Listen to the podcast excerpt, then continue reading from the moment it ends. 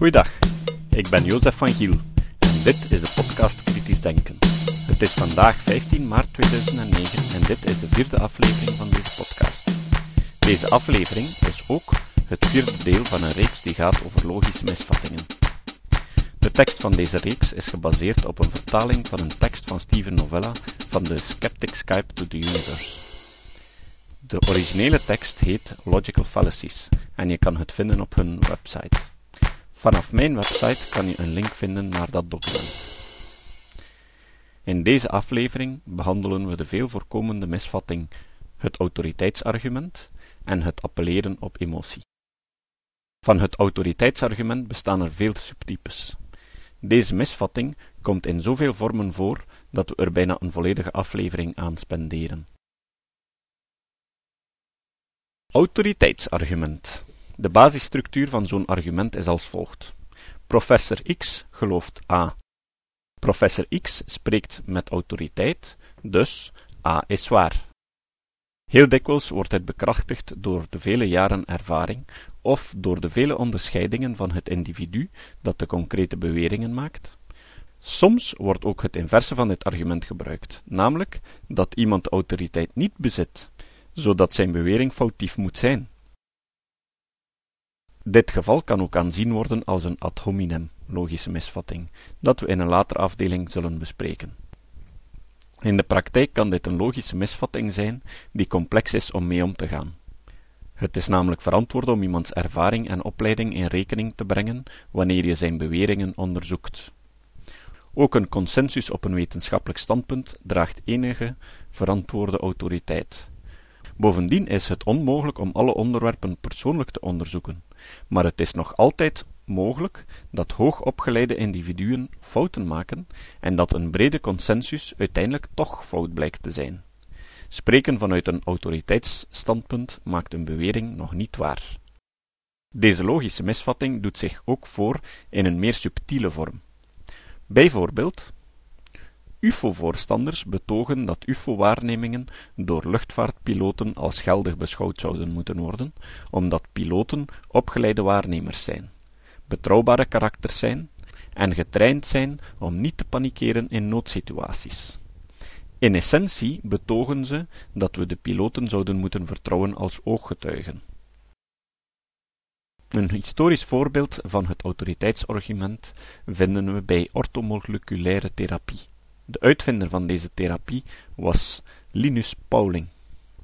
Hij is twee keer Nobelprijswinnaar en de enige persoon die de Nobelprijs ooit won in twee totaal verschillende disciplines. Hij onderzocht de werking van vitamines en ontdekte het belang ervan in de werking van het lichaam.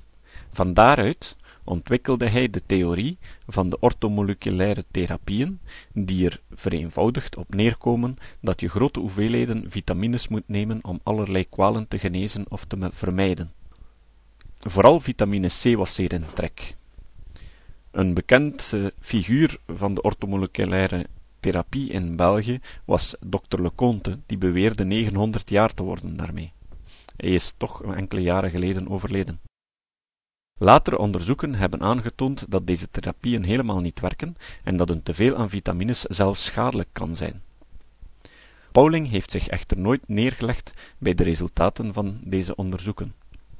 Ortomoleculaire therapieën worden nog altijd door sommige mensen als werkend aanzien, en Pauling wordt natuurlijk als autoriteitsargument voorgesteld. Maar in feite in onze westerse wereld, waar we een evenwichtig voedingspatroon hebben, krijgen we sowieso al genoeg vitamines binnen via onze normale voeding, zodanig dat extra vitaminen geen enkel effect hebben. Een ander historisch voorbeeld van het autoriteitsargument is Einstein en de kwantummechanica.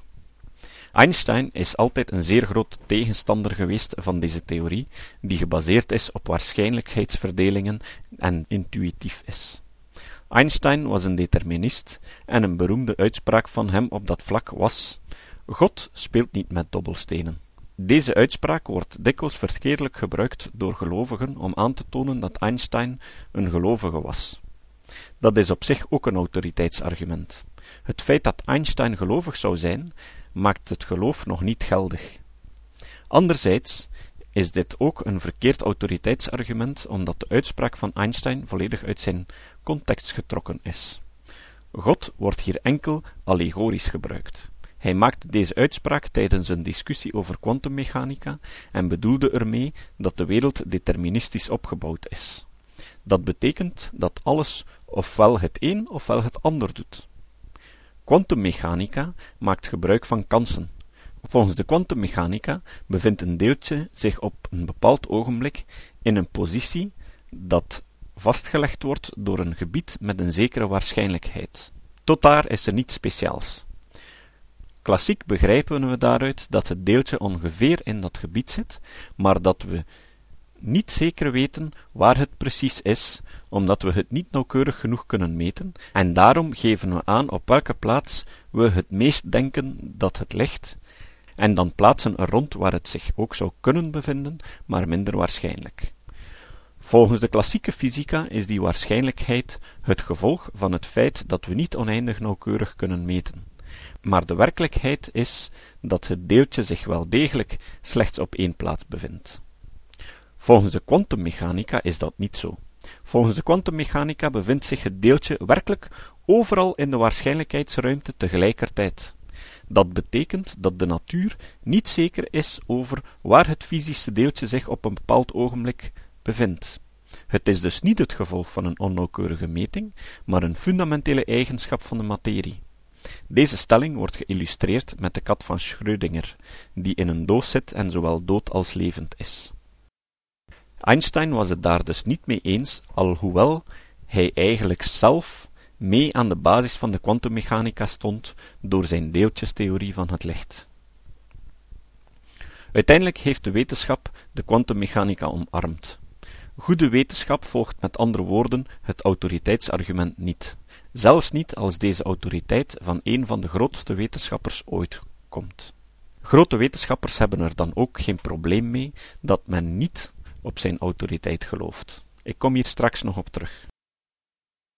Autoriteitsargument of beroep doen op autoriteit heeft veel subtypes, welke allemaal autoriteit inroepen op een specifieke groep of situatie.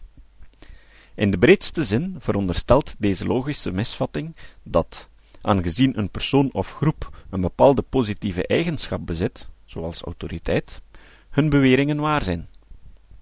Hieronder vind je een aantal voorbeelden van verschillende types van het autoriteitsargument die de moeite waard zijn om te vermelden. Subtype appelleren op het algemene geloof. Deze misvatting is het argument dat een bewering waar moet zijn, omdat er veel mensen in geloven. Het veronachtzaamt de mogelijkheid, die dikwijls doorheen de geschiedenis werd aangetoond, dat de meerderheid het volledig verkeerd voor kan hebben. De populariteit van een idee of bewering is dikwijls gebaseerd op andere kenmerken dan logica en bewijsvoering. In de wetenschappen is de theorie die het haalt niet deze die ondersteund wordt door heel veel mensen, maar wel de theorie die de sterkste argumenten kan aanbrengen. De wet Collat had als doelstelling om de alternatieve geneeswijzen te regulariseren. De bedoeling was om binnen deze wereld de echte van de charlatans te kunnen onderscheiden. Uiteindelijk heeft de wetgever beslist om een regularisering uit te werken voor vier alternatieve geneeswijzen, namelijk de homeopathie, de acupunctuur, de osteopathie en de chiropractie. De argumentatie die gebruikt is om deze vier alternatieve geneeswijzen te regulariseren, was dat dit de populairste geneeswijzen zijn in België. Dat is natuurlijk een logische misvatting dat appelleert op het algemene geloof. In feite bestaat er maar één criterium om alternatieve geneeswijzen te regulariseren, en dat is via een procedure van bewijsvoering van zijn effectiviteit. Het probleem is echter dat een alternatieve geneeswijze, waarvan zijn effectiviteit bewezen wordt, op dat moment ophoudt om een alternatieve geneeswijze te zijn, omdat het op dat moment per definitie een reguliere geneeswijze is geworden. In dat geval wordt dus een wet zoals de wet Collat een overbodige wet, omdat ze precies dezelfde criteria hanteert als de wet voor de registratie van reguliere geneeswijzen. Einstein heeft ooit de kosmologische constante in zijn algemene relativiteitstheorie ingevoerd, omdat hij vaststelde dat als hij dat niet deed, het heelal moest uitdijnen of in elkaar storten. Hij ging er echter van uit dat het heelal constant was, zoals het in die tijd ook algemeen aanvaard werd.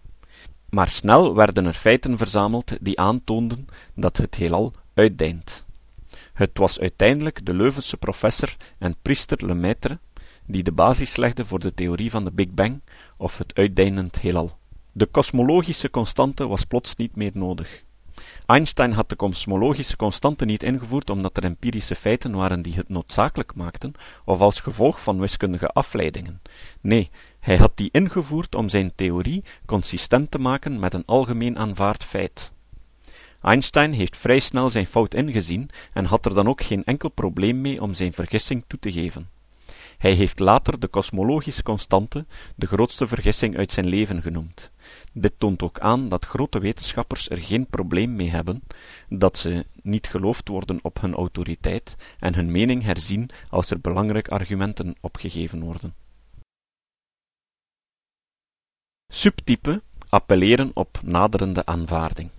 Ik aanzie deze als een subtype van het gezagsargument, omdat het neigt zich te wenden naar de autoriteit van een toekomstig geloof of op aanvaarding.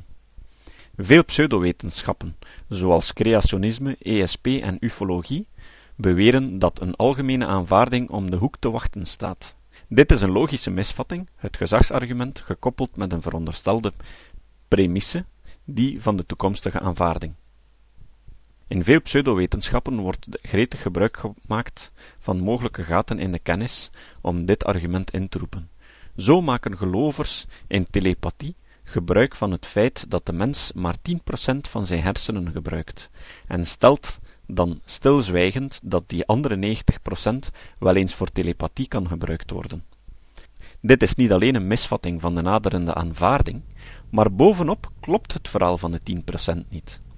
Het 10% feit is een misvatting van algemeen geloof dat volgt uit een foutief citaat van een oudere studie dat bovendien ondertussen al lang weerlegd is met nieuwere inzichten. De mens gebruikt wel degelijk 100% van zijn hersen. Subtype appelleren op verdienste of oprechtheid. Dit is het argument waarbij een persoon of groep een bepaalde verdienste heeft, waardoor hun beweringen wel waar moet zijn. Bijvoorbeeld, voorstanders van alternatieve geneeswijzen citeren soms dat een bepaalde beoefenaar zeer oprecht en zorgzaam is, en dus moet zijn bewering rond de effectiviteit van hun behandeling geloofd worden. Een lichtgelovige geestenjager argumenteerde ooit tegen mij dat een ooggetuige die beweerde iemand te hebben gezien die een meter boven zijn bed leviteerde, geloofd moet worden, want waarom zou hij liegen? Een argument die ik dikwijls hoor over de waarachtigheid van een welbepaalde herdeziende of astroloog is dat hij het niet voor het geld doet. Deze zin moet argumenteren dat de betrokken mensen geen bedriegers zijn, die er alleen maar op uit zijn om er geld mee te verdienen. Wat in deze argumentatie vergeten wordt, is dat er ook zoiets als zelfbedrog bestaat. Het is niet omdat een helderziende oprecht overtuigd is van zijn gave, dat hij ook echt helderziende is. In een latere afdeling zullen we bespreken op welke manier je wel betrouwbaar kan nagaan of een helderziende echt helderziend is. Subtype argument van samenzwering of anti-autoriteit. Dit is het omgekeerde van het autoriteitsargument en zegt in feite dat een bewering fout is, omdat het komt of gesteund wordt door een autoriteit. Dit komt dikwijls voor in een context waarbij het officiële standpunt van de regering wel verkeerd moet zijn, omdat dat het officiële standpunt van de regering is. Deze misvatting wordt dikwijls aanzien als een subtype van de ad hominem misvatting, door te beweren dat de regering wel verkeerd moet zijn, omdat ze gewoonlijk liegen of zich engageren in verdoezelsamenzweringen. Dit is een geliefkoosd argument van alternatieve genezers, die menen dat de reguliere artsen hen niet aanvaarden, omdat ze de concurrentie niet dulden. Ook de farmaceutische industrie wordt dikwijls verweten niet te willen weten van alternatieve geneeswijzen, omdat ze alleen maar zoveel mogelijk winst willen maken. Dat het hoofddoel van de farmaceutische bedrijven is om winst te maken, is natuurlijk waar. Maar Het bovenste argument houdt natuurlijk geen steek, omdat het gemakkelijker is om veel winst te maken door geschut water te verkopen, dan om reguliere geneesmiddelen te verkopen die enorm duur zijn in onderzoek en ongeveer tien jaar nodig hebben om te worden goedgekeurd. Over dat geschut water spreek ik nog in een latere afdeling uitgebreid. Appelleren op emotie. Deze misvatting is gelijk aan het autoriteitsargument maar ik vind dat ze een aparte vermelding verdient. In essentie gaat het over elke argumentatie die beweert dat iets waar is omdat het leidt tot of geassocieerd wordt met positieve emoties, of omgekeerd dat de bewering fout moet zijn omdat het geassocieerd wordt met negatieve emoties. Een algemeen gebruik van deze misvatting bestaat erin het geloof in God te verantwoorden. Velen argumenteren dat God wel moet bestaan, omdat God het leven een waarde geeft, of tenminste zorgt voor geluk en tevredenheid. Mensen betogen soms ook dat ze geloven in het leven na de dood, omdat ze niet kunnen omgaan met het alternatief dat de dood het einde is. Nog een argument die dikwijls gebruikt wordt om het bestaan van God te verantwoorden, is dat zonder godsdienst de mens immoreel zou worden. Dat argument maakt het bestaan van God nog niet waar en bovendien klopt de argumentatie niet, maar ook daarover zal ik uitgebreid spreken in een volgende aflevering. Dat was het weer voor deze aflevering. Het enige wat ons nog rest is het citaat van de week. Deze keer geef ik er twee. Het eerste komt van Albert Einstein. Einstein zei: Blind geloof in autoriteit is de grootste vijand van de waarheid. De tweede komt van George Carlin. George Carlin is een Amerikaanse stand-up comedian die nogal graag de draak stak met de gevestigde orde. Hij is vorig jaar overleden. Je moet eens op YouTube gaan kijken en George Carlin intypen als zoekterm. Op mijn blog, waar ik deze aflevering zal posten, zal ik ook enkele van mijn favoriete YouTube-films van Carlin posten. George Carlin zei: Ik heb evenveel autoriteit als de paus. Er zijn alleen niet zoveel mensen die het geloven. Tot de volgende keer.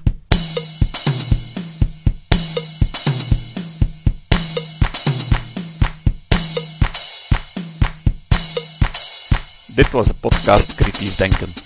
Voor meer informatie en voor de tekst van deze podcast kan je terecht op mijn website surf.to schuine streep kritisch denken. Tot de volgende keer.